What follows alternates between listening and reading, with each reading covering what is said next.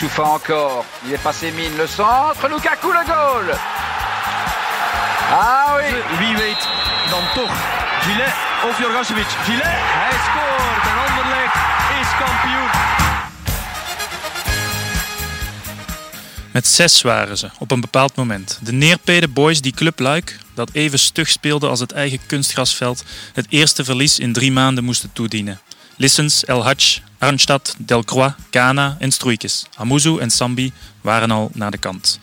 Tegen een team dat drie maanden had toegewerkt naar die ene competitieve wedstrijd die hen nog restte, bleven de jonkies overeind.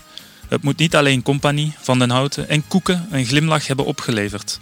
Ook de man die al die catches begeleidde naar dat rubberige veld in Luik zal een beetje genoten hebben. Een beetje. Want hij blijft kritisch voor zijn kroost. Dat moet ook, als je de beste jeugdopleiding van het land wilt runnen. Amuzu was niet efficiënt. Sambi speelde soms wat ongelukkig. El Hadj was niet zo beslissend als gehoopt. Zelfs bij deze overwinning bleek, kiezen voor de jeugd is niet de gemakkelijkste weg. Maar wanneer het eens gaat opleveren, geeft dat wel de meeste voldoening. Al zijn maar op en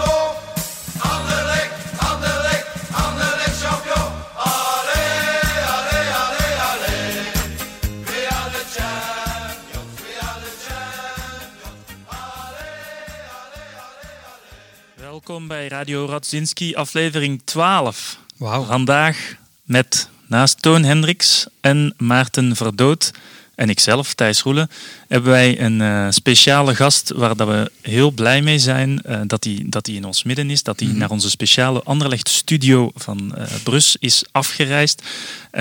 Want in een beleid dat volledig gestoeld is op de jeugdwerking, ja, kunnen we hem toch wel als eh, de goudzoeker en schatbewaarder in één van eh, RSC Anderlecht noemen. Jean Kindermans, Wat welkom is- in de uitzending. Wauw. Superlatief, eh, Jean, voor jou vandaag.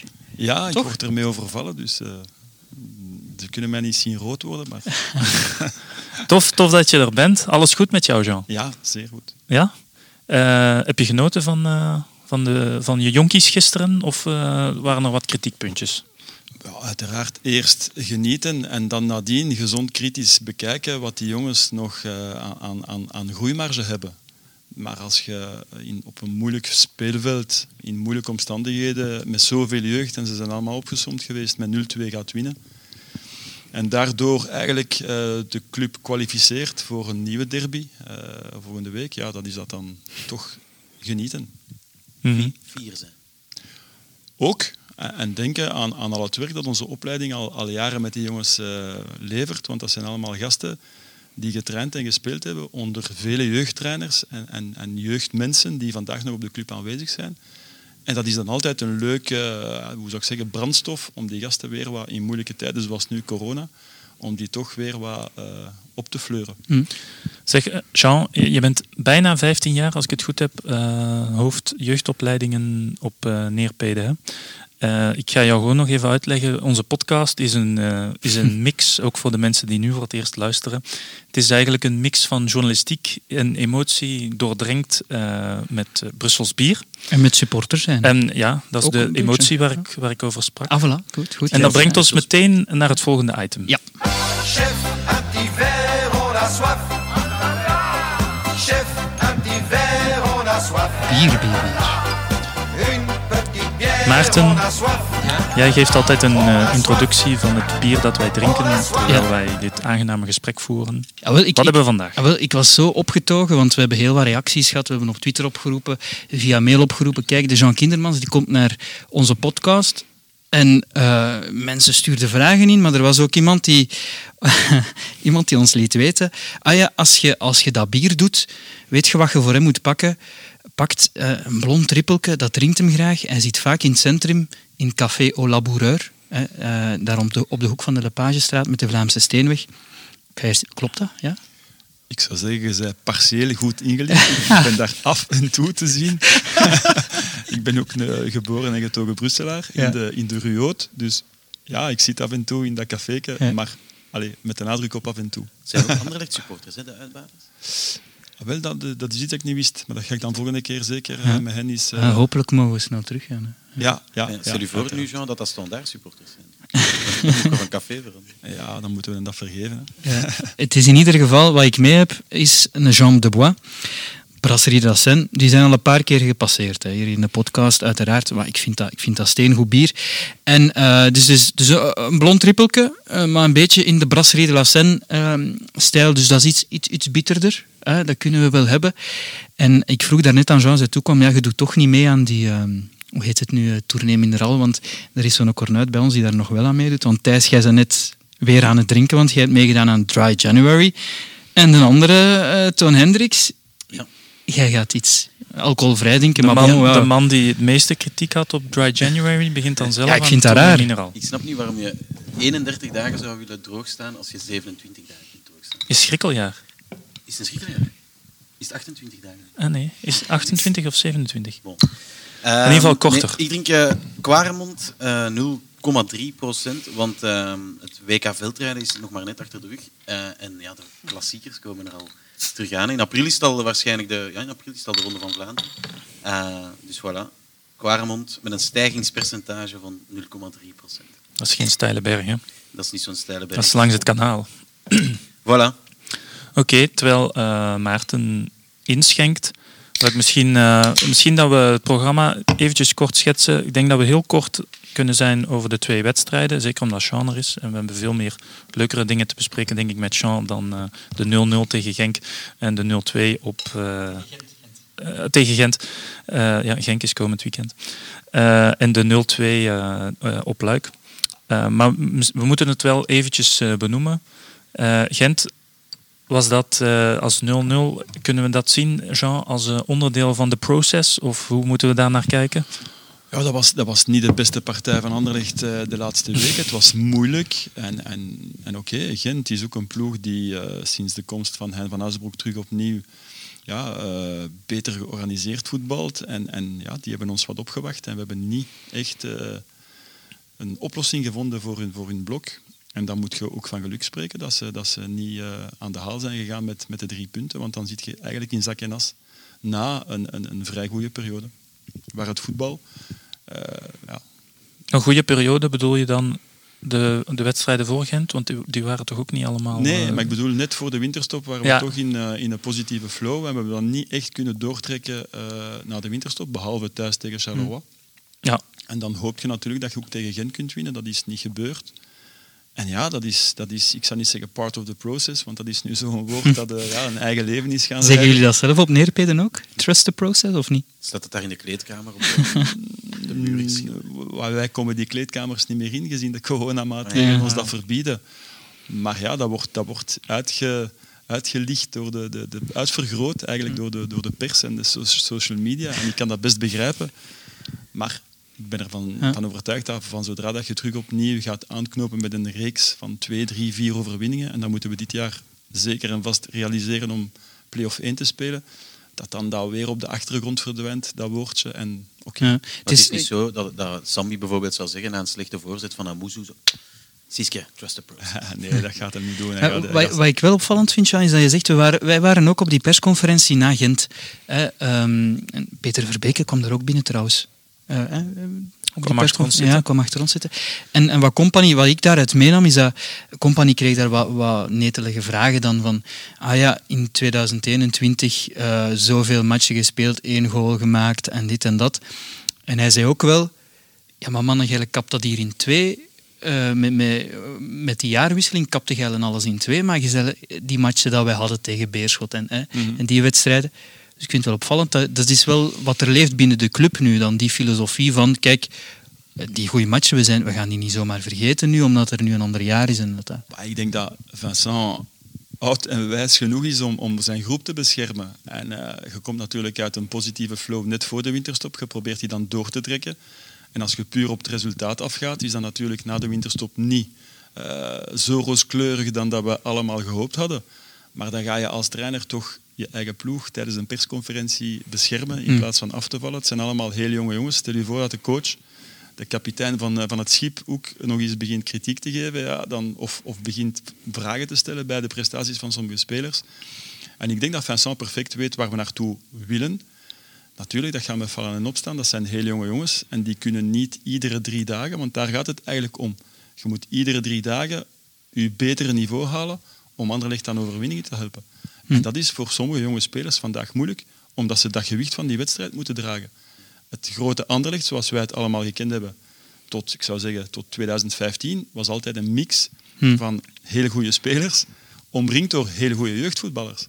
En vandaag heb je goede spelers en, en hele goede jeugdvoetballers.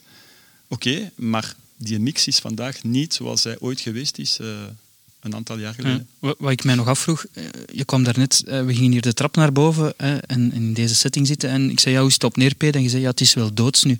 En ze zat daarnet ook, we komen niet meer in die kleedkamer. Eh, wat gebeurt er nu op dit moment op Maar ik zou zeggen, als ik zeg dood, dan is het vooral te wijten aan de coronamaatregelen. Wij worden allemaal aangemaand om ja, afstand te houden met de, de, de leden van de A-ploeg. Dat is dan niet alleen de spelers, maar ook de staf. En alle mensen die hen omringen, omdat dat protocol eh, van de Pro League vrij streng is. En wij willen niemand eh, ja, eh, belasten met, Ja, met, dat, is, het dat, virus. dat En- kost miljoenen hè, eigenlijk als je zo'n ploeg infecteert, per ongeluk. Hè? Als je erover nadenkt. Hè? Ja. Want dat kan het verschil zijn tussen play-off 1 en, en tuurlijk, geen play-off 1. tuurlijk. En, en dat is ook een van de moeilijkheden nu. Je hebt niet meer echt het dagelijkse contact. Je kunt niet meer overleggen, praten Hm. met de mensen met wie dat je normaal dagelijks eh, contact hebt. Ja. En dat is En- een beetje ambetant. Vandaar dat ik zei, want het is een beetje doods. Want als je dan toch toevallig bent, ja, dan is daar niet, niet veel volk die daar in die burelen rondloopt. En, en mis je dat? zo?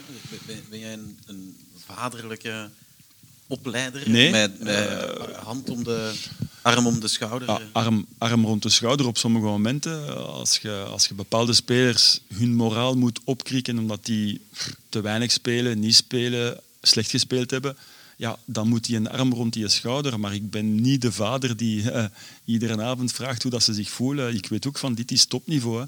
Eh, het is Anderlecht en eh, het is geen cafévoetbal. Je wordt profvoetballer. En dat is part of the, of the job, zou ik zeggen. Ja. Je moet kunnen leren leven met, met goede momenten, maar ook met ontgoochelingen. En die schouder rond, rond ja, die arm rond de schouder, dat is voor de mindere momenten, als je ze terug uit een dalgen moet proberen te helpen.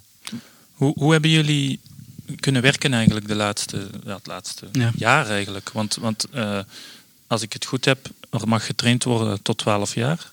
Ehm, er zijn natuurlijk een hoop jeugdspelers eh, van, vanaf bijvoorbeeld Mario Struikens is 16, maar die zit dan bij de, bij de A-selectie. Wat met de jongens die tussen die leeftijd zitten? Sinds eh, midden maart 2020 zitten wij natuurlijk met een gigantisch groot probleem dat de ganse opleiding eh, ja, een beetje op stelten is gezet. Door enerzijds de maatregelen, dan eh, de, hoe zou ik zeggen, de maatregelen die wat, wat toleranter werden, dan terug de verstrenging, de, de tweede golf. Dus wij hebben ons constant moeten aanpassen. En ikzelf en veel van mijn medewerkers hebben ontzettend veel tijd moeten steken in het heruitvinden van de opleiding. Omdat je ja, in bubbels moet trainen, individueel moet trainen, van op afstand moet trainen, monitoren. Dus het was een zeer leerrijke periode, want we zijn er ook rijker uitgekomen. Eh, een ganse groep trainen op fysiek vlak met eh, Strava, met andere, eh, hoe zou ik zeggen, instrumenten die van op afstand iets of wat monitoren, dat is nog iets anders dan... Zijn jullie jongens kwijtgeraakt? Spelers waarvan je denkt van, nee, oei, nee, die- nee, kwijtgeraakt niet. Ik weet wel dat de mentale, hoe zou ik zeggen, de mentale last bij sommige spelers stilaan ja, zichtbaar is en groeiende is. Alleen proberen wij als opleiding en als trainers vooral die dagdagelijks met die gasten aan de slag gaan, proberen wij zoveel mogelijk ja, competitieve elementen te blijven steken in die trainingen met vier en nu een beetje, een beetje uitgebreider met tien. Maar die jongens, ja, die, die, die, zijn al, die hebben een competitie gemist verleden jaar. Die hebben geen play-offs gespeeld, die hebben geen internationale toernooien gehad, die hebben geen stage gehad als voorbereiding op het seizoen.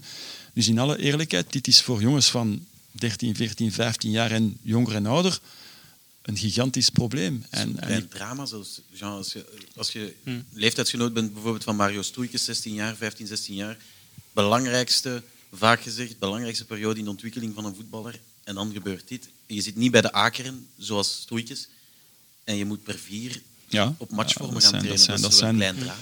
dat is, ah, drama is misschien een, een, een te groot woord, maar dat zijn trieste, klein drama, een klein drama. Dat zijn triestige momenten. En wij stellen ons nu ook de vraag van welke impact gaat dat hebben op hun ontwikkeling? Want wij zijn de laatste jaren eigenlijk een heel klein beetje vervallen in het zeer vroeg brengen van jong talent. Hm.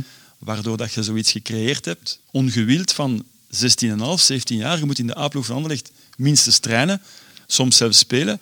Dat is niet voor iedereen weggelegd. En als je vandaag ook al niet meer mocht trainen, geen friendly games meer kunt spelen, geen competitie, geen play-offs, dan heb ik zoiets van, die gasten moeten gaan beseffen, ah, voor mij gaat het traject dat ik aan het afleggen ben iets langer duren. Ja. En die gaan dus iets geduldiger moeten zijn en laat dat dus net geen kwaliteit zijn van veel jeugdspelers. Zijn, zijn uw gasten daarmee bezig, Jean? Zo, ah, ja, het is, ik ben hier al 17, 18. Ik zou eigenlijk Ik wel denk een dat keer er- mijn debuut moeten beginnen maken. Hm. Alleen niet Ik dat, zou dat zeggen, ze van hun er eigen zijn dat veel verwachten. jongens die dat, die dat ambiëren. Hè. Als je bij de U21 ziet van Anderlecht op 16-jarige leeftijd, dan is je next step de A-ploeg. En sommigen willen dat graag zetten als ze 16,5 zijn, 17.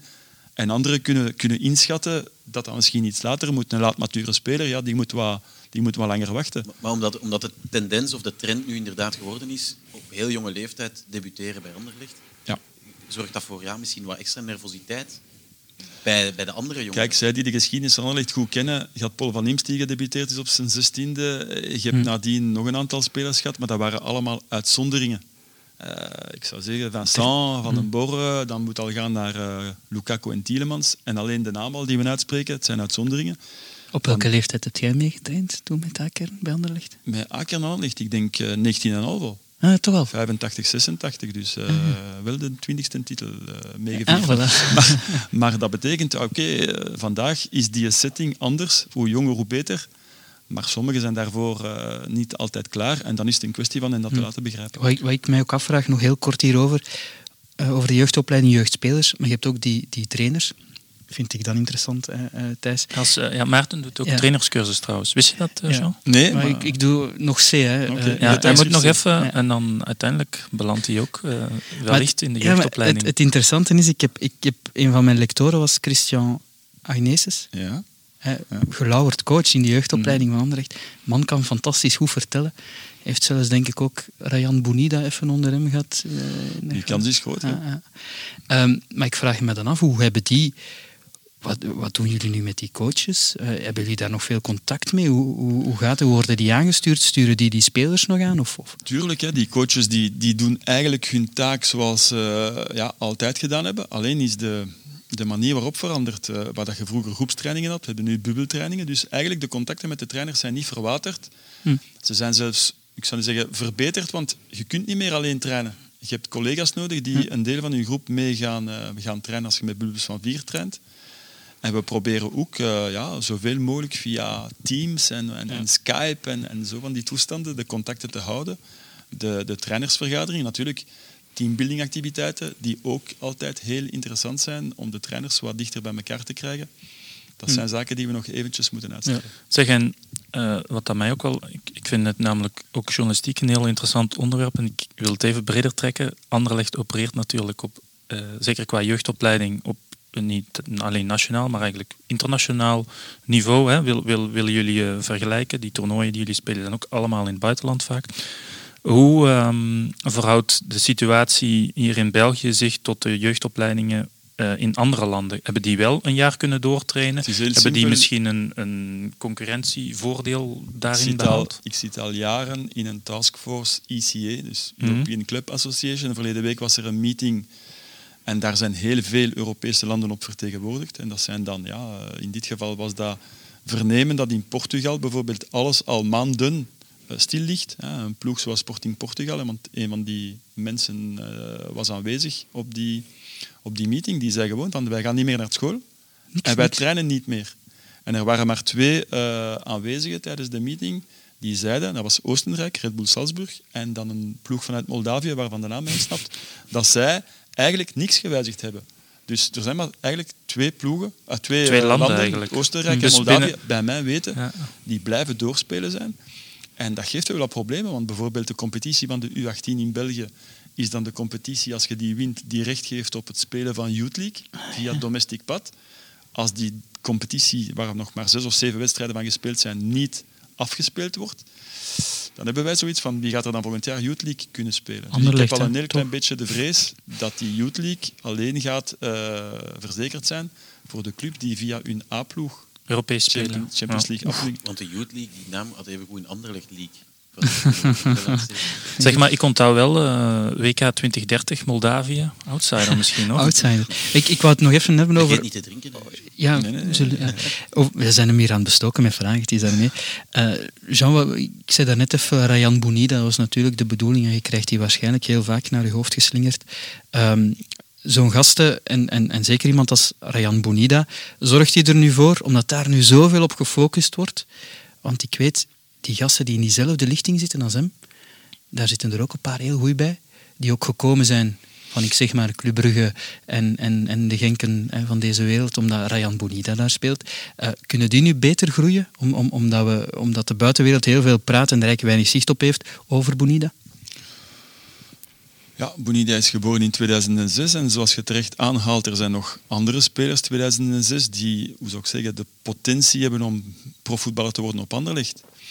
Alleen is er zoiets waar wij ook weinig vat op hebben en, en dat jullie beter kennen, dat is ja, het fenomeen pers, social media, aandacht, die die jongen al krijgt sinds hij, ja, sinds hij 8, 9, 10 jaar oud is. Wij proberen hem daar maximaal tegen te beschermen. Ik weet dat Ryan eh, zeer goed omringd is. Hè. Zijn eigen familie probeert dat ook allemaal te kanaliseren. Natuurlijk, als ik dan hoor 300.000 volgers op een of ander eh, medium, ja, dan zeg ik van ja, wij kunnen ons dat moeilijk voorstellen. En ik hoop, ik hoop natuurlijk, ik zeg dikwijls van te snel de zon eh, op je schouders krijgen, eh, kan je ook verbranden. En wij moeten er gewoon over waken als volwassenen met een beetje ervaring dat hij zijn ding nog kan blijven doen. En ik ken Ryan al jaren. Ryan is vooral gelukkig als hij op dat veld met een bal kan rondlopen en zijn, zijn kunstjes kan bovenhalen. Maar hij gaat ook een ander deel eh, van zijn ontwikkeling moeten kunnen ja, eh, naar een ho- hoger level brengen. En dat is zijn, zijn morfologische, zijn fysieke ontwikkeling. Want voetbal wordt niet alleen gespeeld via techniek ja, vandaag, spijtig genoeg. Maar je moet kunnen lopen, je moet kunnen duelleren, je moet kunnen... Ja. Vrees je daarvoor bij? Nee. Want hij is nog, zeker in die lichting, is hij wel tenger en klein. Ja, altijd, hij is, hij is, zoals wij dat noemen in het jargon, laat matuur. Hm. Dus wij proberen hem nu te laten beseffen van er komt nu een hele belangrijke periode aan. Want dat is een jongen die altijd in de schijnwerpers heeft gelopen. Die altijd een van de betere, zo niet de beste was.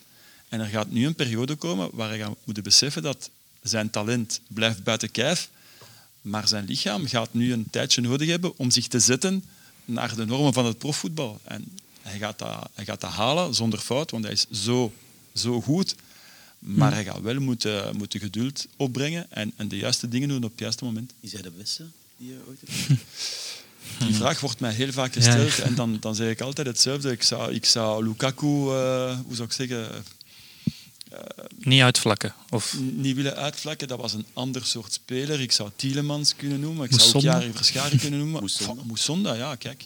Je noemt ze zelf allemaal op. Je kent ze bijna beter dan ik. Het is, eh, wel- ook tenger, lang tenger gebleven. Ja, ja, ja. En dan misschien de, de, de, de, de, de foute beslissing genomen van te snel naar ja, het, het vroeg mij al af- Niet misschien de foute ik beslissing. vroeg mij al af wanneer Toon ging beginnen over Charlie Moussonda. Ik ben een gigantische fan geweest. we, van we, Charlie we Mousson. hebben ook een, een Ik vraag heb zijn gehad, schoenen eh, thuis een keer. Ja, wacht, eh, misschien even Ja, om nog eh, de, de, de rode draad te, be- te bewaken en ook Jean de kans te geven om een slok van zijn, eh, van zijn drankje te nemen. Doe maar wat bier. ja. Ehm, ja, Gent, inderdaad, hebben we, hebben we gehad. Hè. Het was Ja, een beetje een non-match, 0-0. Luik was ook niet. Was, ze hebben gedaan wat ze moesten doen. Hè. Maar overtuigend kon konden we dat nu ook niet noemen, denk Nee. ik. Ehm, en Maarten, ik denk dat jij heel erg uitkijkt naar volgende week. Ah ja, dat moeten we even aanstippen. Ja. namelijk eh, de derby, Ja, ik vind het wel eh, Union. tof van want Jean is natuurlijk een Marolien. En eh, het is Union Anderlecht, het is in het Tudepark. En, en ik vraag me af, wat, wat, wat doet dat met u? Een bekerderby in het Dudepark. Maar ik zou zeggen, ik heb, ik heb van één ding spijt. Dat is dat er geen supporters Ja. kunnen, kunnen aanwezig zijn. Hè. En dat is, dat is alleen een derby vanuit de jaren 60. En oké, nadien hebben ze nog geprobeerd Union van eerste klasse te bereiken. Dat is hen niet gelukt. En nu staan ze daar terug dichtbij. Dus mijn eigen zoon heeft daar gespeeld. Ik weet hoe, hoe, allee, hoe populair hun supporters kunnen zijn. En dan vind ik het spijtig dat we ons niet kunnen meten eh, met Union in een stadion waar misschien ja, vandaag 8, 10, 12.000 Dat- mensen binnen kunnen. Het Ik is, heb dat drie jaar geleden kunnen doen. Hè, het was niet zo- 0-3. Dat was niet zo goed, hè. Ja, maar dan was het, dan was het ja, eigenlijk, Ja. je hebt gelijk. Je hebt gelijk. Ik, ik probeer altijd die slechte herinneringen wat, wat weg te mogen. Dat, dat lukt mij dus niet. Maar dat was natuurlijk, ja, voor ons kan het, ik ga niet zeggen een revanche zijn, maar ik denk niet dat we naar Ginder gaan afgeleiden met het idee dat het een wolk in het Dudenpark nee, nee, dat zal zeker niet. Maar, Dat is wel ja, een foute gedachte. ja, we kijken daar uiteraard enorm naar uit hier. Ja, bij jij ook, Brussel. Maarten, En mogen wij jou toch ook een klein beetje ontmaskeren als Union? ik, zit hier in een Anderlecht shirt ook. Hè. Ik zit hier in een shirt. Nee, voor mij wordt dat een moeilijke match ook persoonlijk. Ehm, ja, want ik, ik heb jarenlang een abonnement gehad op Anderlecht. Ik ben van jongs af aan fan van Anderlecht. En sinds dat ik hier woon, ga ik altijd naar Dudepark kijken. Alleen naar Union in het Dudepark kijken. Zondag namiddag, 4 uur. Maar Ze hebben, ze hebben Ja. fantastische supporters Ja. en Ja. ze hebben dit jaar ook een goede ploeg. Ik hoop alleen dat het speelveld... eh, Maar we kunnen gaan Het kijken eigenlijk. Het veld is oké. Het veld is eh, inderdaad, denk, ik denk dat ze daar wat greenkeepers uit Brighton hebben ingevlogen. Dat is geen probleem veld- meer. Het veld ligt er echt wel eh, goed bij. Het veld en het geld is geen tegenovergestelde probleem. van Nee. eh, het veld van RWDM, kan Ja. ik wel zeggen. Ja. Want daar was een Ja. probleempje met de afwatering, Ja. volgens mij. Ehm, Oké, dat voor wat betreft de actualiteit. Ik zeg het vandaag, iets minder actualiteit, iets Ja. meer Jean. Ehm, dus we hebben, we hebben het gehad over de situatie nu op Neerpede. Ehm, maar ja, je loopt daar al 15 jaar, eh, al 15 jaar rond natuurlijk, eh, Jean. En ja, de laatste jaren is er wel echt volop ingezet op alles wat er, eh, wat er op Neerpede eh, geproduceerd is misschien een raar woord in deze context, maar ik heb het toch gebruikt. Eh, wat daar vandaan komt. Hoe, eh, ja, hoe kijken jullie naar die, die koerswijziging?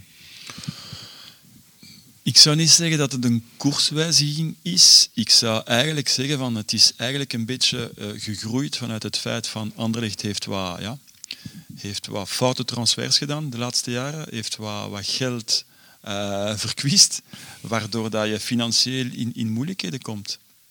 Die, ah, sorry. En dat is vaak ook eh, bij andere Europese grote clubs is dat ook al zo geweest.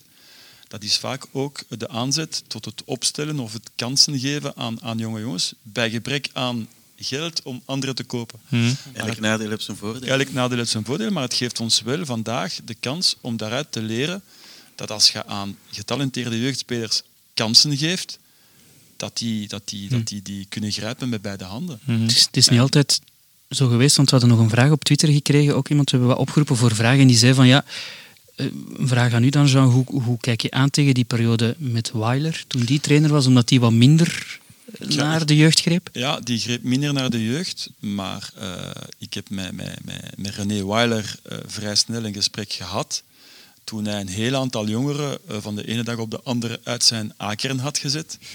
Heb ik hem gevraagd van coach, zeg, expliquez-moi pourquoi. eh, ik zeg dat ik tenminste tegen die gasten kan zeggen waaraan het ligt. En hij zei tegen mij van, monsieur Kindermans, want hij zei dan, vous avez un très très bon centre de formation. Je hebt een heel goed opleidingscentrum, maar ze vragen mij om kampioen te zijn en ons te kwalificeren voor de Champions League. En, en dan lukt dat even niet met jongens van, van 17 of 18 jaar oud.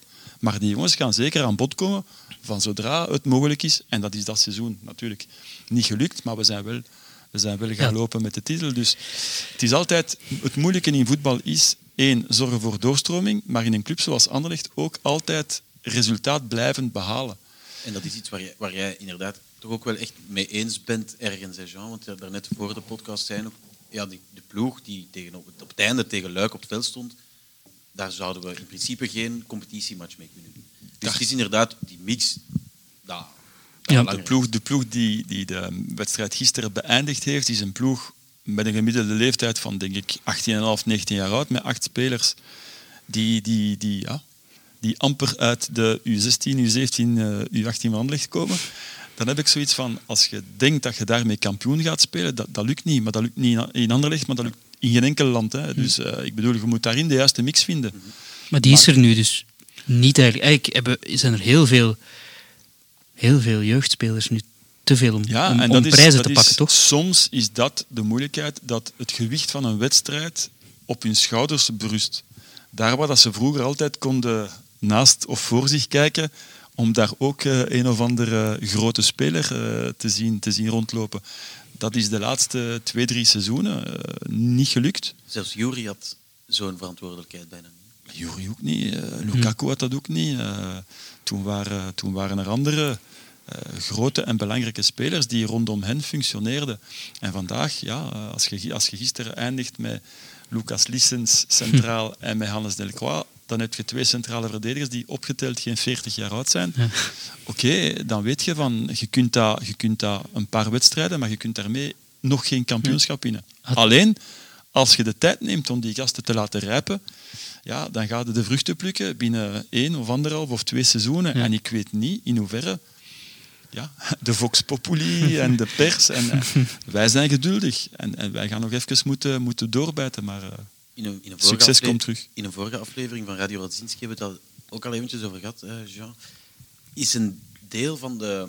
Of kan een verklaring zijn dat die, dat die jonge jongens toch eigenlijk wel goed functioneren, ondanks ja, de enorme druk die, die op hen ligt, de druk van de wedstrijd, door die brede schouders van Compagnie, door de figuur die heel veel naar zich toe trekt, zoals je daar net zei op persconferenties, terecht altijd zijn ploeg in bescherming neemt, maar door de figuur die, die eigenlijk alle zon bijna op hem krijgt, staan die andere spelers toch ergens wel een beetje ook nog in de schaduw en hebben dan, eh, om het met mooie beeldspraak te zeggen, eh, staan die spelers toch er- ergens nog wel in de schaduw van die figuurcompagnie, om dan toch wel, ze worden erin gesmeten, maar daardoor kunnen ze toch wel Ja, maar ik weet, dat, ik weet dat Vincent naar de buitenwereld toe beschermend is. Ik weet ook dat Vincent, als het nodig is, ook heel hard kan zijn.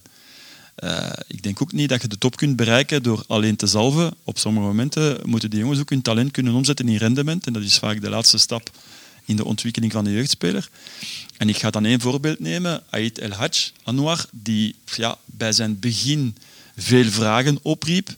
En die nu de laatste drie, vier wedstrijden eh, stilaan bevestigt dat we dingen in hem gezien hebben die niet fout zijn. Twee keer man van de match, denk ik. Ja, Ja. en het enige dat hij nu nog mist, is iets beslissend kunnen zijn met een doelpunt of met een assist en een wedstrijd laten kantelen. Want dat deed hij bij de jeugd vrij vaak. En dus wij, wij weten dat dat erin zit. Alleen moet dat er nu op het hoogste Ja, waar- niveau waarom komt dat daar niet? Want ik... ik, ik, ik Maarten het- is een ja. van de non-believers. Nee, ja, ja ik, ik, ik ben heel streng voor El Hadj, omdat, ik- omdat we, we hebben hier al gezegd van narratief ziet goed, hij, hij komt uit Molenbeek, eh, pleintjesvoetballer. En, en ik vind hem net als Amuzu, en wat wat ik daar ook nog altijd van vind, ik vind die te weinig efficiënt en beslissend.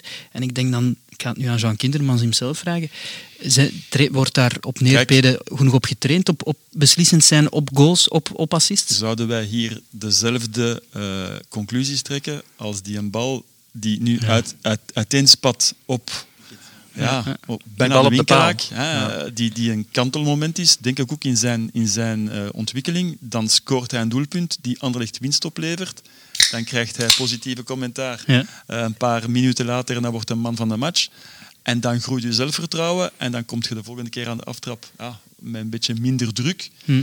En dan kun je je talent des te meer, eh, hoe zou ik zeggen, ja. tentoonspreiden.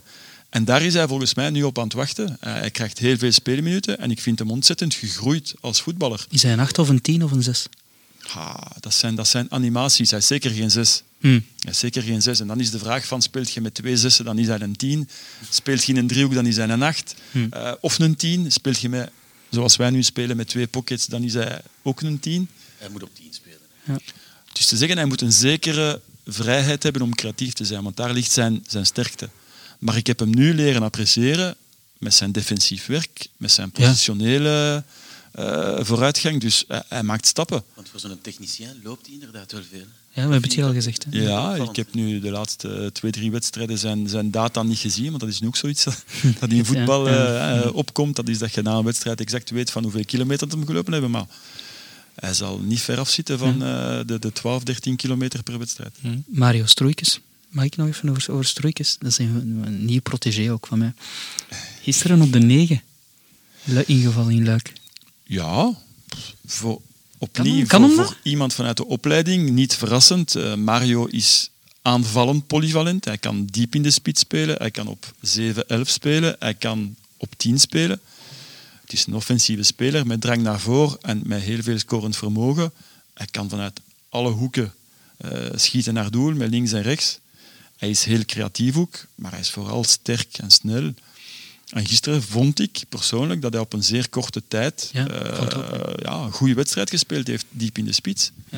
Maar uw hart bloedt toch als Colassin wordt naar de akker van Zultewaardig Ja, dat is eh, heb- Toch? een ongezwikte enkel eh, waiting to happen. Ja, ik heb de kans gehad om met, met ja, Antoine nog te praten toen hij nog niet wist dat hij ging vertrekken. Dus hij, hij was ook zienens om te blijven. En ik heb hem nog aangeraden van zo lang mogelijk op Anderlecht blijven als we u niet wegsturen. en ja, dan verneem ik twee dagen later, ik ga naar Zulte Waregem en dan zie ik hem ja, spelen op vandaag. Een heel moeilijk veld. Ja. En dan denk ik vaak terug aan zijn debuut verleden jaar. De eerste drie, vier wedstrijden. Dat we dachten van dit is fenomenaal. Hè. Zijn fantastisch doelpunt tegen, Club Brugge, tegen. Club Brugge. Dat hij een hakje achter zijn steunbeen inzet. En dan met een plat du pied afwerkt. Dan heb ik zoiets van... hm, ja, oké. Ik hoop dat hij bij, bij Zulte Waregem speeltijd gaat krijgen. Ja. Anders is het een, een Heb jij daar geen Ja. invloed meer op dan? Of, of wordt er niet meer, als, stel bijvoorbeeld Colassin, maar ook uh, Stroeikens en al anderen, jij levert die af bij de A-selectie en dan stopt dat? Of, of word je dan Of- ja, wel niet zeggen dat dat dan stopt, maar eh, dat zal dan vooral aan mij liggen. Dan ben ik al bezig met de volgende generatie. Ja. Mm. Eh, het is niet dat, dat Peter Verbeke nu belt van zeg Jean, we gaan hier eh, Antoine verhuren. Nee. Eh, vind je dat een goede stap? Dat is niet, hij, hij, hij toetst dat niet af bij u. Nee. Oké. En, en sowieso, misschien tout court, hoe, hoe is eh, zeg maar het contact tussen jou en, en eh, Verbeke en compagnie? Ik, ik veronderstel dat jullie toch regelmatig moeten, moeten samenzitten over... eh, elke, ik, dit, is nu al de, de, de- de, de vierde of de vijfde sportsdirecteur en iedere sportsdirector werkt anders. Herman van Oosbeek was heel open en close. Eh, elk jeugddossier werd, eh, werd doorgenomen. Eh, Oké, Luc de Vroe was anders. Maar ik heb ook niet veel tijd gehad om met Luc te leren samenwerken. Luc, die me vanaf dag één van... opleiding is, is jouw ding. Je doet dat al jaren zo en goed. En dus ik had daar heel veel vrijheid in. En Michael Verschuren was eigenlijk de, misschien de meest gestructureerde, met, met heel veel meetings. Hij heeft ook weinig tijd gekregen om eh, iets neer te zetten. En ik moet nu, in alle eerlijkheid, eh, Peter Verbeke nog leren kennen. Eh, is begonnen in volle coronaperiode. We, zitten, we zitten vaak van op afstand te, te meeten. En dus het zal kwestie zijn van daarin het, het juiste evenwicht te vinden. het, Misschien van een keer samen naar Olaboreur. Ja, ik, ik weet niet eigenlijk. Ik weet niet wat hem drinkt. Dus. hij moet ook eens afkomen naar hier. Maar, maar het, is, het is, eh, lijkt me wel iemand, Peter Verbeke, die daar, omdat we hem dan zagen in die persconferentie, dat hij wel dag en nacht mee bezig is, toch? Net als compagnie. ik, vrees, ik vrees in alle eerlijkheid dat je niet anders kunt. Als je de Ja. job van sports director in Anderlecht, en zeker in crisisperiodes zoals nu, moet managen, kan ik mij moeilijk inbeelden dat je nog tijd hebt om met je kindjes naar Bellewaarde te stappen. Maar jij, zit er ook, jij gaat ook niet met kleinkinderen op dit moment bezig zijn. Jij bent ook dag en nacht jawel, bezig. want ik ben, ik, ben, ik ben grootvader geworden voor het eerst in de maand mei 2020. En ik moet eerlijk toegeven, dat is voor mij een, een fantastisch mooi moment geweest. Van Jonathan? Is Nee, pap- van, van, van mijn oudste zoon, Yannick. Ah, Yannick, Eh, ja. en en ik, ik, ik, vind, ik vind, of te zeggen, ik maak de tijd om ook met dat, eh, het is een meisje, dus met, met, met Lia eh, bezig te zijn. En dat geeft u ook veel gemoedsrust. Ah, Dus ik kan het alleen maar aanraden. Grootvader worden. Thijs wordt grootvader. Jij hebt wel wat rust nu. Zeg maar, eh, ik vind het wel interessant, ik wil daar nog wel even over doorgaan, over eh, die driehoekcompagnie Verbeke Kindermans, die dan blijkbaar nog niet echt eh, samengezeten hebben. Maar ik, het moet toch wel zo zijn, zeker als, als je als beleid zegt van we, zetten alles op de jeugd, dan, dan, dan moet jij toch gehoord worden voor er bepaalde spelers gehaald worden, of niet? Oh, eh, Dat jij in ieder geval de kans krijgt van, luister, je kunt wel een speler halen voor, voor die positie, maar eh, we hebben ook nog die en die en die speler hier in de jeugd en die zitten Die eraan te staan komen. klaar, ja. Of er staat niemand klaar, haal iemand.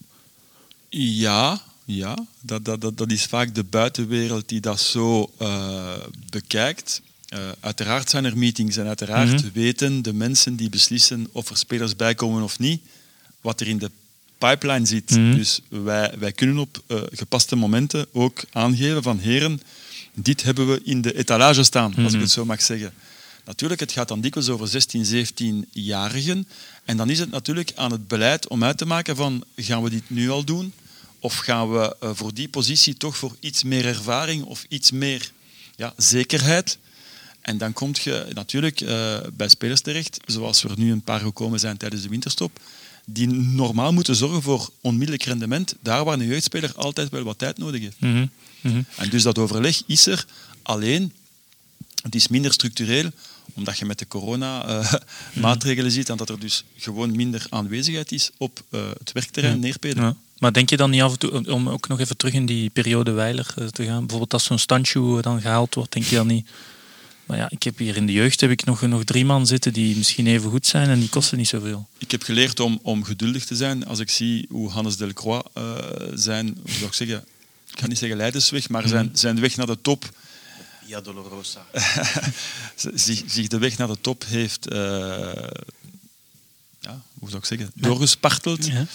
Ja, ik heb geleerd van pushen, pushen, pushen is, is ook ongezond. Dus je moet op een bepaald moment kunnen zeggen van kijk, dat zijn de jongens die eraan komen. En over Hannes waren alle jeugdmensen, jeugdtrainers, unaniem. Ook de physical coaches, dit is... Wij, wij begrepen niet dat hij nog niet meer minuten gemaakt had.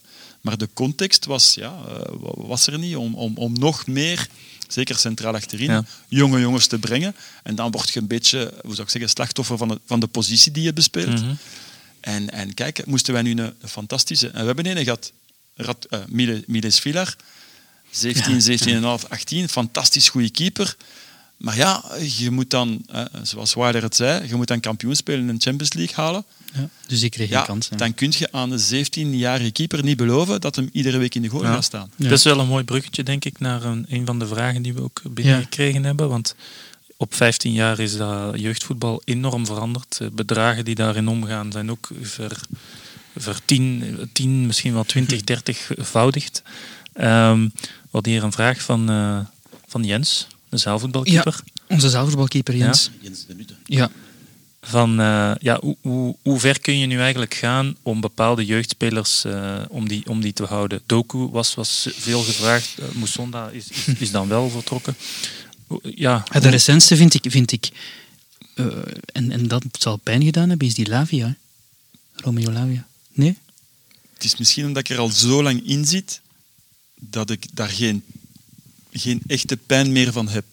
Ik bedoel, tien jaar geleden, moest er tien jaar geleden een jeugdspeler vertrekken naar een concurrent in België of naar het buitenland, dan was ik daar echt, uh, dan had ik het daar moeilijk mee. Ik heb nu geleerd, je kunt geen 100% succes hebben met jeugdspelers. Daarmee bedoel ik, je kunt iedereen willen houden en iedereen een contract willen geven. En sommigen gaan toch, ondanks de vele voorbeelden, want dankzij die 15 jaar hebben we nu wel, hoe zou ik zeggen, vergelijkingen, benchmarks, zoals ze dat nu in de moderne uh, literatuur uh, van de voetbalwereld zeggen. Je kunt dus kolommen maken met jongens die heel vroeg zijn vertrokken en die geslaagd zijn. En dan kom je uit bij twee of drie spelers op 15 jaar tijd. De Jean Uzais van deze wereld. En dan gaan er ook nog veel zeggen van, ja, maar is dat dan... Ik zeg van, die gast heeft twee wereldbekers gespeeld. Ja. Sorry jongens, dan kun je bij mij niet zeggen dat je niet geslaagd bent. Nee, okay? ja. La Liga ook nu, ja. ja. ja. En, en dan is het al hè, denken aan wie nog. En dan kun je zeggen, ja, Luke Bacchio, die speelde ook in de Bundesliga. Mangala.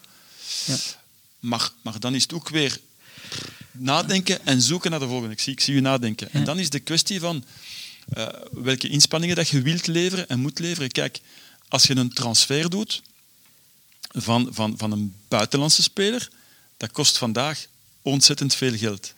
Met, en je hebt daar straks Stancho vernoemd, we kunnen er nog andere noemen, met de hoop op succes.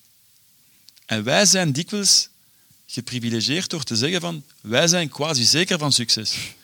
Als we een jeugdspeler ja, uh, proberen, proberen vast te leggen en te overtuigen. Alleen, en ik ben de eerste om toe te geven, de inspanningen die je vandaag moet leveren op financieel vlak zijn volgens mij te groot aan het worden. Alleen, dat, wordt, dat is zoals spelersalarissen. Uh, als je leest wat Messi verdient, dan heb ik ook zoiets van... Ik heb, daar, ik heb daar geen buikpijn van, maar als je dat...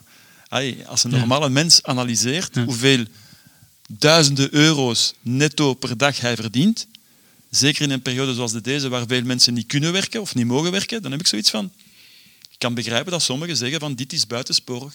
Kan, kan en het moest gebeuren? het enkel van mij af, afhangen, dan zouden we jeugdspelers pas een contract geven als ze 18 jaar oud zijn, als ze een humaniora-diploma hebben en als ze op dat moment nog talentrijk kan, zijn. Kan, kan het voorkomen dat, uh, dat er een jeugdspeler uh, rondloopt uh, op Anderlecht die meer verdient dan jij? Oei. een jeugdspeler die... Of moeten ze dan vertrekken? ik, ik, ik, ik zal zeggen, op Anderlecht lopen jeugdspelers rond die meer en veel meer verdienen dan hun ouders, die allebei Ja. 40 uur per week werken. Ja. En dat is vaak, vind ik, ja, een beetje een verwrongen, een verwrongen systeem. Het voetbal. Ja. Alleen, ik, ik, ik, wil, ik wil niet de witte ridder zijn die hier vandaag pleit om dat allemaal om te vormen. Daarvoor zijn er instanties, daarvoor zijn er bonden, daarvoor zijn er liga's. Dus ja, ik vind dat dat de laatste jaren de spuigaten uitloopt. Als ik eraan begonnen ben, moest ik gewoon met een telefoon nemen, bellen naar moeder Garcia Calvete, naar eh, vader Lucella Bigen, naar eh, geboren in Jordan Garcia 1993. Calvete. En dan kwamen die eh, de avond zelf naar Neerpede met een pen in de hand. Ja. En moest ik zelfs het contract niet voorlezen. En dan parafeerden die dat, want die bleven op Anderlecht, ja, omdat dat voor hen een, een, een- hun, club was, hun fierheid. Hmm. En, en dat is geleidelijk aan, en ik ben blij dat je zegt, de laatste 15 jaar ja, substantieel veranderd. Maar eh, Ja. zo zijn er nog dingen in de, in de wereld veranderd. Ja, ah ja, ik, ik wou nog zeggen, omdat, omdat je daarnet zei van, ja, met dat het ook allemaal veranderd is. En we hebben, ehm, je zei daarnet Delcroix, eh wij wisten allemaal, linksvoetige centrale verdediger, goede kop. Ehm, en hij, maakt ook, hij, bewijst dat nu ook, hij maakt zelf de fouten. We hebben ook een vraag binnengekregen. ehm, en, en, iemand die vraagt van ja, er zijn sowieso ook spelers waarvan dat je zegt van ja, die komt er nooit. Ja. En ik weet, en die er dan toch zijn geraakt. Ik denk, ik was vorig jaar op Neerpede voor een reportage, heel kort een reportage over de werking met de, de clubs uit de rand. En dat jullie daar jeugdspelers hebben en die dan op proef komen en zo tegen elkaar spelen. En Guy de Smet, die zei mij van, ja, Marco Cana, eh, dat, is, dat, is, dat was wat dat hij meteen nu al zou komen op zijn 17 en nog net 17 in die ploeg zou geraken, dat hadden wij niet kunnen, kunnen zien. Kijk, eh, jullie zijn allemaal veel jonger dan ik. Hè, en ik ben een fan geweest van Jungle Book. En, en Marco Cana noemden wij bij de jeugdopleiding, of ik tenminste, kolonel Atti. Dat, was, dat, was, dat was een geboren leider. Die was in elke ploeg misschien niet de man die de band altijd aan had, maar het was wel de man die bepaalde hoe de groepsfeer in elkaar zat, hoe we gingen spelen, hoe we ons gedroegen. En dat is een natuurlijke leider. En dus ik wist van Marco Cana in alle jeugd op, eh, jeugdcategorieën Anderlecht, ja, is dat, is dat een, een hele goeie. Maar wie mij twee jaar geleden zou gezegd hebben van Marco Cana gaat in het seizoen dat voorbij is, 1920, meer dan 20 wedstrijden, denk ik, mm. Eh, titularis geweest zijn of minuten gemaakt hebben, daar zou ik in alle eerlijkheid aan getwijfeld hebben. En dus, ik zeg vaak van, eh, op jaarbasis moet een, een directeur van een opleiding honderden beslissingen nemen. En soms zijn daar ook foute beslissingen bij. Maar dan vind ik het wel dat je dat moet kunnen op een bepaald moment toegeven. En ik zeg altijd tegen spelers, als ik mij vergis heb, heb dan zal ik altijd de eerste zijn om het, om het toe te geven. Ja. Als je vandaag, had, had je mij zeven of acht jaar geleden gezegd dat Orel Mangala in de Bundesliga eh, week in week uit zou spelen, Ja. ik zou gezegd hebben van, oh, ik zou een weddingschapsje aangegaan zijn. en, en ik ben ook altijd heel blij als ik moet toegeven van, sorry gast, eh, ik, heb, ik heb mij... Ik heb Maar je mij- moet het ik- kunnen toegeven. Ja, Ja, maar dat, dat kun je, ja, als je maar dat, dat, kunt, dat is mooi, pas hè. iets dat groeit met de tijd. Ja. In de voetbalwereld heb je veel, je hebt veel mensen met een ontzettend groot ego. Waardoor dat die altijd in artikels, in gesprekken, de ik-vorm gebruiken. Ik, ik, ik. En, en, en altijd zeggen van ik dit, ik dat. En altijd alles in hun richting kunnen draaien. Ik doe dat niet. Ik heb me al vergist. Ik ga mij nog vergissen. Maar niet te veel. Ja, heel eventjes terug over, over een jongen die volgens mij geen groot ego heeft, kolonel Atti. Hoe voelt hij zich nu? Want ik denk dat er soms een beetje sipjes bij loopt, omdat hij zo... Ja, hij Ah, ik zou zeggen, meer als vorig seizoen. Natuurlijk. eh, Marco heeft dan ook nog eens het nadeel van zeer intelligent te zijn. En van zeer intelligente Nadeel, mensen. dat vind ik, Ja, dat vind ik ja, straf. heel van zeer Nadeel, intelligente mensen weet je, die denken veel na. Hè? En Marco zal zich nu vragen stellen van... Verleden jaar heel veel speelminuten. Dit jaar veel minder. En hij zal zich de vraag stellen van waaraan ligt het? Hoe moet ik het verhelpen? Wanneer gaat het beginnen draaien? En dat kan soms eh, mentaal wat, wat doorwegen. Maar eh, ik zag hem gisteren opnieuw, ik denk tien minuutjes Ja, invallen. ja. En ik vond dat hem er vrij flux bij, liep. Ja. En dus de kwestie is natuurlijk van er komt nu wel wat concurrentie. Hè. Het middenveld is aanzienlijk ook, versterkt met, met, met een aantal spelers en je hebt daar maar drie posities. Ja, sorry. Als op uw positie ook nog eens de kapitein van de ploeg speelt, Sambi, die drie jaar ouder is, dan kan ik Marco alleen aanraden van hard te blijven werken, intelligent te blijven werken en, en te wachten op Stuurt je zijn... hem dat op, op WhatsApp? Ja. Sorry, want daarnet zei zeg ik nog van, eh, ik je zeg altijd tegen de mensen, blijf zo lang mogelijk bij Anderlecht totdat ze je wegsturen. Als jij zou mogen beslissen, Jean, als jij het beslissingsrecht had, zou je dan tegen Kana zeggen van misschien eh, Nee. een uitleenbeurt? Nu nog niet. Ma- Marco is geboren in 2002. Gasten, we zijn in 2021. 19 jaar. Studeert, studeert ook nog, hè? Ja, VUB. hè? studeert, ja, Ja. studeert verder dus. Ja, maar je hoort vaak van ja, jonge gasten die moeten speelminuten maken. Die moeten Ja, oké. Ze moeten veel spelen. En dan zeg ik nu vandaag, als Marco Canna vertrekt van Anderlecht, waar gaat hij veel spelen? Bij Zultewaar.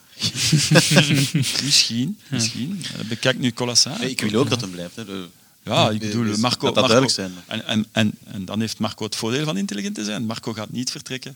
Marco gaat wachten totdat hij terug opnieuw aan bod komt. En dat hij stappen gaat, stappen gaat kunnen zetten in zijn carrière. Slimme jongen. Zeg, als we nu toch wat namen aan het noemen zijn uit de jeugd die het niet gehaald hebben, of die in ieder geval gepasseerd zijn eh, in de jeugdopleiding van Anderlecht, maar niet eh, de eerste ploeg gehaald hebben.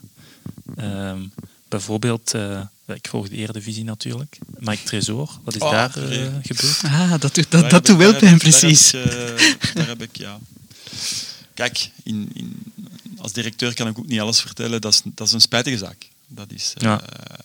dat, is, dat is een speler met ontzettend veel kwaliteit, die een fantastische eh, trap heeft. Hè. Als ik zie hoe dat we vandaag soms moeite hebben met, met, met stilstaande fases en met mensen te vinden die die, die, die correct kunnen trappen, ja, dan heb je met, met Tresor heb je, heb je een schat eh, eh, binnengehaald. Ja. Maar die woonde ook naast Neerpede, toch? Die woonde ja, Maar op Pajottenland. Tresor Ja. heb ik, en dan praat ik een keer vanuit de eerste persoon, heb ik zelf op een zondagnamiddag ontdekt in het voetbalschooltje dat wij op Neerpede runnen, TFC. En, en ik had hem in een, een moduleke, passing en dribbling, en in de 1 tegen 1 situaties. Hij was toen 12 of 13 jaar oud. Ja, die dribbelde iedereen. En ik zeg van, ja, oké, goed voetballerke, maar ja, je kent dat. Na 15 minuten draait dat moduleke door en ik had hem dan verloren, maar dan kwam hem terug op het einde van de training en ik had een schietmodule. Linkervoet, rechtervoet en opnieuw steekt hem boven vele anderen uit. Ik zeg, uh, toi, Ketje?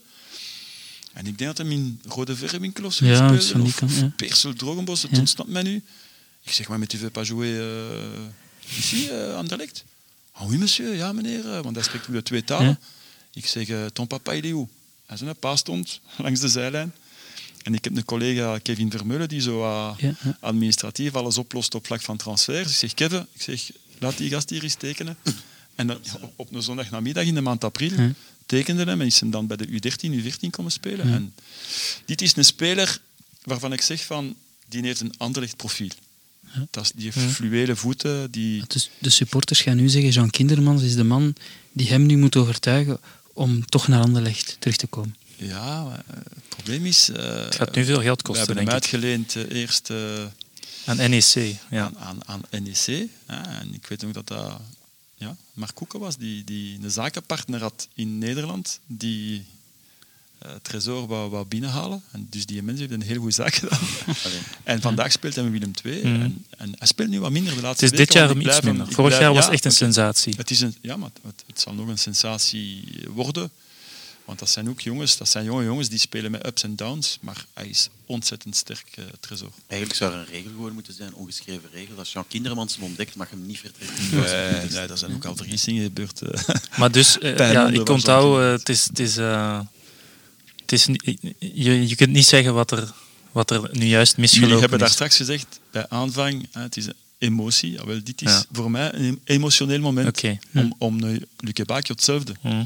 Uh, ik, ik, ben, ik ben 55 jaar oud, dus mijn generatiegenoten weten, de, de, de gast toen in Anderlecht was Rensenbrink.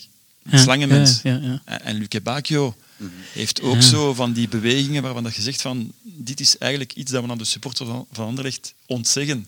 Ja. En dat is spijtig. En de gast uit de streek, ook uit Assen zeker. Als, Assen, ja. ja, ja. En ook, jammer is het niet door de grote poort. Ja, zo Charleroi dan en dan, dan ja. Eerst naar Toulouse. Ja, Ver- Toulouse. Versast.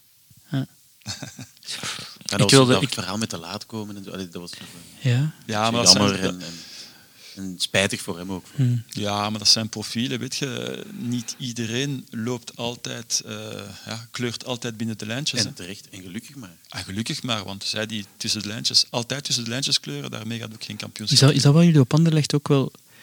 Want het is, het is in het verleden, ik weet, Batshuayi, dat, dat, dat, dat, is een, dat is een ander verhaal, die, die kleurde er ook al eens buiten. Maar- ja, maar er zijn, er zijn ook grenzen en limieten. En, en, en een keer dat je grenzen en limieten ja, eh, begint te tarten, dan moet je soms als directeur ja, spijtige beslissingen nemen. Hm. En ja, oké, eh, toen is die jongen 13 jaar oud, dan sturen we die terug naar RWDM. Die blijft ook een paar jaar op RWDM, hè, die is want die heeft ook een heel raar parcours. Hè. Ja. En, en, en ja, kijk, als ik hem terugzie, Hè? Maar jullie zijn daar wel flexibeler in. Jullie weten ook zo bij zo'n Luque Bacchio, dan om een voorbeeld te geven.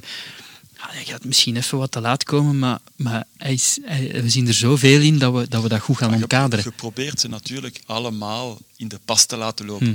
Maar als je je daarop fixeert, dan gaat er veel ontgoochelingen eh, tegenkomen. De jeugd van vandaag is niet meer de jeugd. Als ik in de vestiaire zat vroeger en Paul van Imst of Pierre Anon of Philippe van Wilder of Polit van den Bos kwamen binnen, dat waren nu twee knieën tegen elkaar.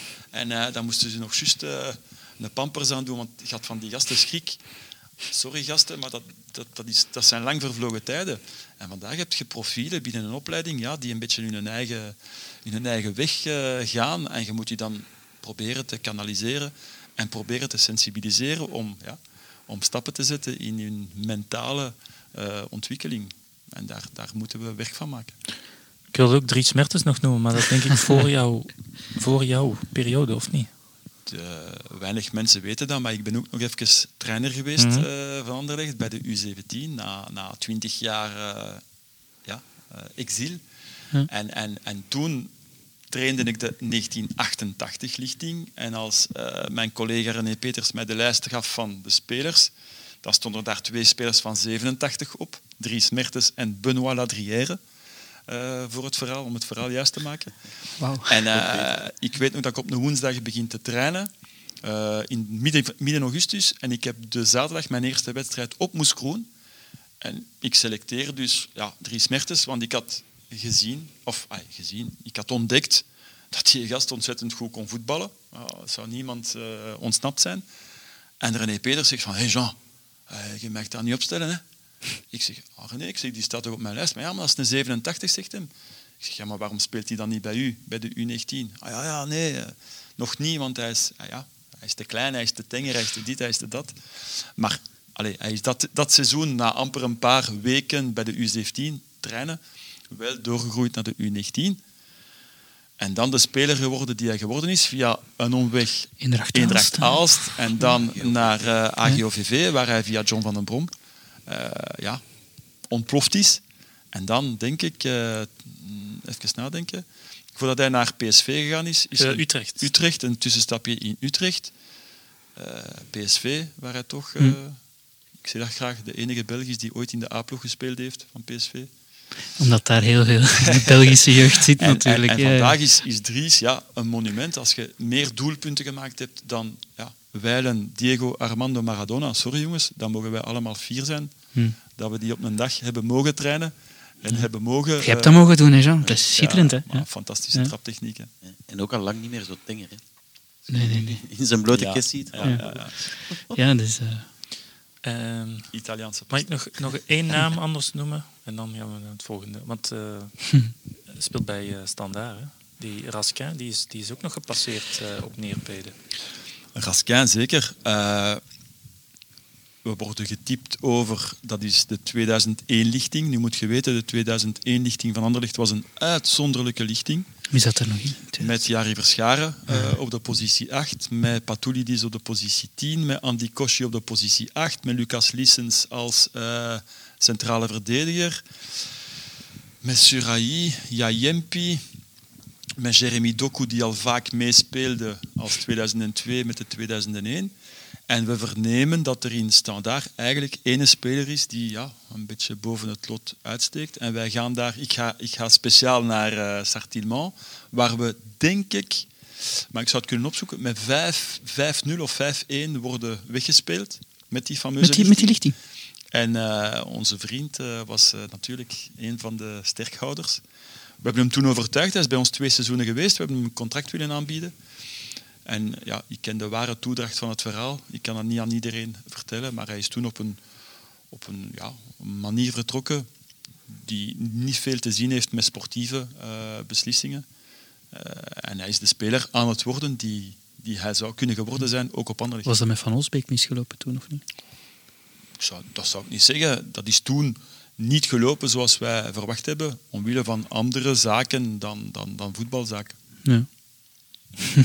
wie is, wie is, wie is Dus eigenlijk al deze spelers die ik net genoemd heb, Ja. weet ik nog altijd niet waarom dat nu juist helemaal misgelopen Ja, is. Maar ik heb toch het idee dat het, dat het vaak om Ja. eh, extra sportieve redenen Ja, gaat. ik- Ja, ik denk dat elke jeugdspeler die op Anderlecht is opgeleid, eh, en we hebben trouwens een enquête gedaan nog niet zo lang geleden, waarvan praten die nu nog altijd? Van toernooien en van de stage in Hoogstraten. Waar dat je ieder jaar opnieuw naartoe trekt. Dat zijn, dat zijn zogezegd hoogtepunten. Dus die, die klitten zodanig aan elkaar. En ik ben altijd blij van te lezen dat Lukaku, dat Vincent zelf, eh willen terugkomen, vroeg of laat. Eh, Als trainer, als, als weet ik wat. Eh, dat zijn ambassadeurs voor de club. Juri Tielemans hetzelfde, Den Donker, die ik nog onlangs sprak, zei ook van, kijk Jean, want die noemen mij nu allemaal Jean, dat vind ik een beetje ambetant, maar enfin, bon. Niet meer coach. coach, nee. En, eh, en monsieur, dat is ook al vergeten. Eh, maar bedoel, ik bedoel, dat zijn allemaal gasten die vroeg of laat willen terugkomen naar Anderlecht. Dat wil toch zeggen dat Anderlecht een, een voetbalfamilie is waar, waar, dat je, waar dat je goed voelt en waar dat je blij bent van daar ooit vertoefd te hebben. En heb je daar nog veel contact mee met, eh, met dat soort spelers? Je hebt, me- je hebt me daar straks gevraagd van wat gebeurt er met spelers die naar de A-ploeg gaan. Ik ga niet zeggen dat ik daarmee het contact verlies, maar dan ben ik al bezig met de, Nee, de volgende. de volgende, de, allee, de- de- met de opvolging. En, en ik moet eerlijk toegeven, ik ben 15 jaar lang eh, directeur van de opleiding.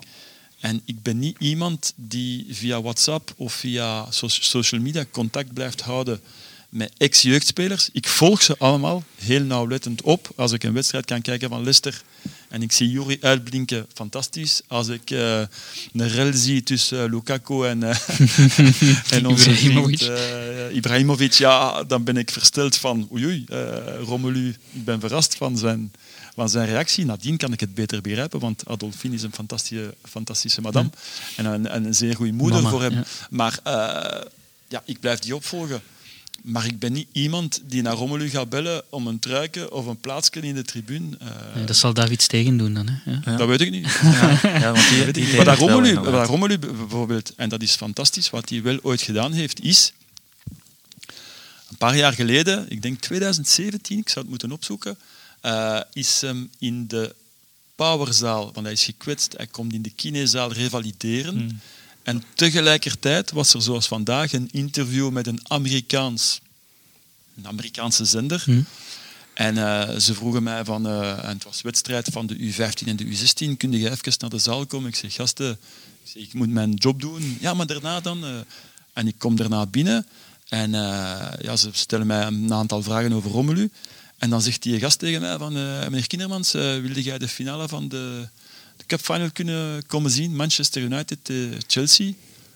Ik zeg, gast, ik zeg, ze aan het lachen of zo. Want de Cup Final, dat is voor mij als oude mens eh, Ja. allee, fantastisch. Want dat was vroeger de zaterdagnamiddag in de maand mei. Wembley. Iets waar je naar uitkeek. Mm.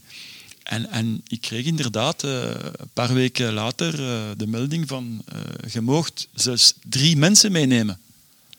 En wat dat mij het meest plezier gedaan heeft, is dat ik iemand heb kunnen meenemen die er vandaag niet meer is. Een van mijn beste vrienden, die ja, gestorven is aan kanker.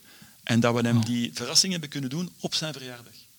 In de maand mei 2017, denk ik. En, dat is, en Romelu weet dat niet, want hij gaat dat nu ook niet horen, want hij luistert niet waarschijnlijk vandaag. Denk jij? Dat denk jij, Jean. Maar de eerste keer dat ik hem terugzie, ga ik hem dus melden dat dat voor mij eeuwig en altijd een van de mooiste cadeaus is die een ex-speler mij ooit gedaan heeft. Dankzij Romelu Lukaku. Romelu Lukaku. Maar Een mooie Stegen- vrouw. David Stegen was ook al bezig over Lukaku. Dat is precies wel zo de, de man met het, eh, ja, het grote hart. in dit geval zal hij dat zelf niet beseft hebben, maar hij heeft natuurlijk niet alleen Jean Kindermans gelukkig gemaakt, maar hij heeft daar iets gedaan waarvan ik nu kan zeggen dat is een groot moment geweest. Want die mens is er vandaag niet meer. Na drie jaar heel hard vechten tegen die ziekte. En ik zeg van Romelu, beseft niet hoe dat ik nu nadenk over, die zat in onze auto, als we de, hoe noemt dat, die, die, die, die fameuze Kanaaltunnel. Het kanaal. channel, eh, Ja, ja, channel ja. inrijden. En, en hij dacht dat ik vergeten was dat het zijn verjaardag was. en al- hij stapt uit, want ja, hij moest even naar de toilet. En we zitten met drie. En dan ook die fles champagne boven gehaald met drie koepjes, omdat ik wist van, we hebben nu toch even tijd. En we hebben daar een koepje gedronken op zijn, op zijn verjaardag. En dat is dankzij Romelu Lukaku. Maar als je dan spreekt van, eh, nee, ik ben niet iemand die vraagt aan, eh aan Romelu, mij, of aan, aan Dries, kun je ervoor zorgen dat ik in Napels een keer kan, kan komen kijken? Nee, dat, dat doe ik niet. Als ze dat voor ons doen, fantastisch. Gebeurt dat niet, even goede vrienden. Goed verhaal. nog. Ja. Ja, goed verhaal. Ehm, Ik, ik wou nog één... nog, Ja, doe nog- maar. nog één vraag. ik weet niet hoeveel tijd we nog hebben. Thijs, ja, we zitten wel master, aan het ja. einde van de podcast. Maar ik ben zo Maarten. geboeid ook, dat ik misschien een beetje afronden van, van eh, wie er... Want we zagen nu eh, op Luik Niels de Wilde in de selectie zitten. Maar als je een paar namen mag noemen, ik weet dat is... Ik ga u geen één naam vragen, we gaan dat wel, hè, twee of drie namen vragen. Wie, wie komt er? Als, als, wie komt er? Wie staat er klaar? Dat is een vraag dat ze mij al 15 jaar lang stellen, dus ik ben daarop voorbereid. Ik heb, ik heb geen goestingen om, om echt namen te noemen. Hmm. Om de anderen misschien gaan Omdat denken. dat in mijn plaats willen gaan doen. Hè. Je hebt er van Boenida gesproken. Ik dan, ben dan blij dat je er een aantal vergeet van diezelfde lichting. Ja. Maar- Ik denk aan die Aguillet, die, die broertje, heb- een van die broertjes, de flankspeler. Ja. Oké, die is dan één jaar ouder, 2005. Ik heb goesting om te zeggen, Anderlecht mag op beide oren slapen als wij erin slagen om de spelers te overtuigen om te blijven. Want dat, dat wordt nu de laatste jaren altijd zo een, een strijd. Als wij erin slagen als Pro League, als, als Belgische voetbalbond, om die jongens te laten beseffen dat, dat, ze, dat ze best eerst in België doorbreken in de, in de Jupiler League en dan eh, met een rugzak ervaring. eh Martinez zei altijd van eh, 50 eh, wedstrijden in de eerste ploeg en dan kun je naar het buitenland. En, en Urbain Hazard, onze, onze hoofdscout jeugd, zei dat ook van 100 wedstrijden, maar dat is bijna, vandaag is dat ondenkbaar. Dan kan ik elke supporter, want ze zijn aan het luisteren zeker, hè? elke supporter van Anderlecht geruststellen. Allemaal. De lichtingen 2006, 2007, 2008. En als ik op zondag voormiddag naar de U10 ga, ga kijken en ik zie de broer van Marco Canna daar dingen doen dat ik zeg van pure. Die lijken op elkaar ook Eh, enorm. Ja. Dan kan ik alleen hopen dat ik dat allemaal nog kan meemaken. Want die gaan ooit in Anderlecht 1 spelen. Als, eh, Een schoon job, hè. ik heb een fantastische job en ik zeg ook aan, aan iedereen, ik werk in de mooiste tuin van Brussel, met, met, met groen helemaal rondom mij. En als je een heel klein beetje onder druk staat, of wat stress je bent, of iets een slechte dag hebt, pijn aan de keel, dan, dan gaat je gewoon een trainingsje zien van Ja. U10, U11, U12 en je bent weer voor zes weken vertrokken. Schoon. Ik wou, vind, eh, ja, ik wou nog vragen, hoe lang gaat het nog doen? Maar gaat het nog heel lang doen waarschijnlijk. Ja. Oei, eh, weet je, ik stel mij die vraag niet. eh, ik wil dat... Ze hem dit- buiten. Voilà, voilà. Dit, is, dit is iets dat je niet in de hand hebt. Ik, ik probeer mijn job goed tot zeer goed te doen. Dat vergt heel veel energie en, en, en aanwezigheid, inzet en vele uren. Maar ik, ik zei het net, dit is een fantastische, fantastische taak. Eh, ik, ja, jullie spreken van een job. Ik, ik, ik- voor mij is dat niet werken. Dat is gewoon iedere dag bijna genieten. En al zeker als ik terug zelf op het veld kan staan en af en toe eens een training kan geven, dat is eh, fenomenaal. Ik verlies te veel tijd met administratie. Dat is een duidelijke boodschap. hè. Podcasts opnemen. Even voor de luisteraars inderdaad. eh, Jean zit hier ook in zijn training van Ah, Anderlecht. Ja, en, Dus- en met, met fonkelende ogen. Ja, dat is de mooi. luisteraars. Dat is is mooi. allemaal gemeend. Ja. Ja. Ik, ik wou nog... eh, een- je had het daarnet over weddenschappen, Jean. Misschien bij wijze van afsluiten. Een weddenschap. Hannes Delcroix speelt de finale van het EK in juni. In juli, sorry. Ik zou zeggen, eh, Wat zou je erin op inzetten? Dat zijn al twee dingen die... ik, zou zeggen ik, ga, ik ga er zeker iets op inzetten, omdat ik denk dat Hannes de kwaliteiten heeft en, en kans maakt om, om geselecteerd te worden. Linker centrale verdedigers in heel Europa eh kun je ze op Mm. bijna eh, twee handen tellen. Natuurlijk, als je spreekt van de finales, eh, dan zou ik zeggen van ja, als, als Eden, als Axel, als Kevin fit zijn en als Dries op zijn beste niveau is, dan zou ik zeggen van dat maakt België uiteraard kans. Maar vandaag kan ik dat natuurlijk niet, niet bevestigen. Maar Hannes Delcroix, als die erbij is, ja, dan, dan heeft Hannes dat zeker en vast eh, zelf afgedwongen en verdiend. En dan springt eh, de jeugdopleiding van Anderlecht een gat in de lucht. Oké. Ja, hebben, hebben we nog vragen? Of Ik ga er, je misschien wel eens gaan kijken. Hè, ja, ik ga er 5 euro op zetten. Ja, ik denk dat we alle vragen gesteld hebben van ons, van onze luisteraars ook. Dus ik zou willen afsluiten eh, één, met één korte mededeling ook nog. Toon, jij bent ook nog op zoek gegaan naar eh, verkrachters in het Jubelpark. Kijk daarvoor eh, op brus.be, zou ik zeggen. En, iedereen wordt, iedereen komt, iedereen komt uit een roes. En dan ga even naar brus.be als je wat serieuze dingen of, of heel rare dingen ja, wilt. maar we gaan het minder uitgebreid bespreken Ja. dan dat we normaal doen. Ik zeg gewoon tot volgende week. Eh, De bal is nog niet weg, Thijs. We hadden de gehandtekende bal van de selectie. ja, maar ik denk dat onze vaste luisteraars weten inmiddels dat die bal er nog altijd in zit. Als Anderlecht 0-0 Ja. speelt, dan, Heb je eh, hem dan niet is mee? de bal niet... eh, Heb je hem niet mee voor Jean Kindermans? Nee. We hebben een handtekende bal van de selectie van Maar Jean 2014, kon dat 15. zelf allemaal regelen als hij dat wil. Ja. Die, die moet daarvoor niet met ons zijn, Ja. denk ik. Ah, bon. Hij is dus nog altijd, eh, je kunt hem nog altijd winnen. Stuur, eh, stuur alles door eh, via Twitter bijvoorbeeld. Ik heb gezien dat Toon ook een eh, Twitter-account heeft aangemaakt. Had er eigenlijk al eentje sinds 2015 of zo, maar die was eh, een beetje Ja. in onbruik geraakt. Dat is om goed te maken dat, eh, dat het mailadres nog altijd niet eh, gefixt is. It's out of my hands. Ik heb, de aanvraag gedaan, maar de techniekers hier op eh Bruce. Elke week voor die Ja, dus contacteer ons via Twitter kans of als via mail. eh Thijs, uh, roelen, at brus.be, Maarten Verdood met dt, at brus.be, Toon Hendricks met kx, toon.hendricks, Ja. brus.be. En als je nog een vraag hebt voor Jean, dan sturen we ze door. Ja, eh, wij, wij hebben nu een rechtstreekse lijn eh, met Jean, dus we stellen al onze vragen, die sturen we, al jullie vragen, die sturen we door, zoals we vandaag ook gedaan hebben. Eh, tot volgende week, want dan zijn we er weer op donderdag, denk ik. Want het is nee, het is, woensdag. nee, het is Het donderdag is, match. eh, ah, het is donderdag. donderdag match. bekermatch. Oké. Maar misschien moeten we live gaan, moeten we dat nog regelen. Misschien moeten we dat regelen, maar dan zijn we er op zijn minst ook vrijdag. Ja, we laten nog weten wanneer. Ja, Ja. tot volgende week. Verlijwijk ben een knot en ander rekje pischoen zijn. Ik zeg alle niet woe, want anders gooi maar feest bezeen. Er was geen kat en ik was er van gambetijd. Ik paasde niemand eigen, ken maar van dat je trompet. Want Giechet zat me bij te sloepen, en ik zei hem, al wel. Wat wekker en zeg maar, om wat er begin dat spel. Hij bezegt maar om nulzel en zat, is gelijk Fima. Geef maar 200 frank en we spelen al via. Al dan er zijn maar op, en willen hem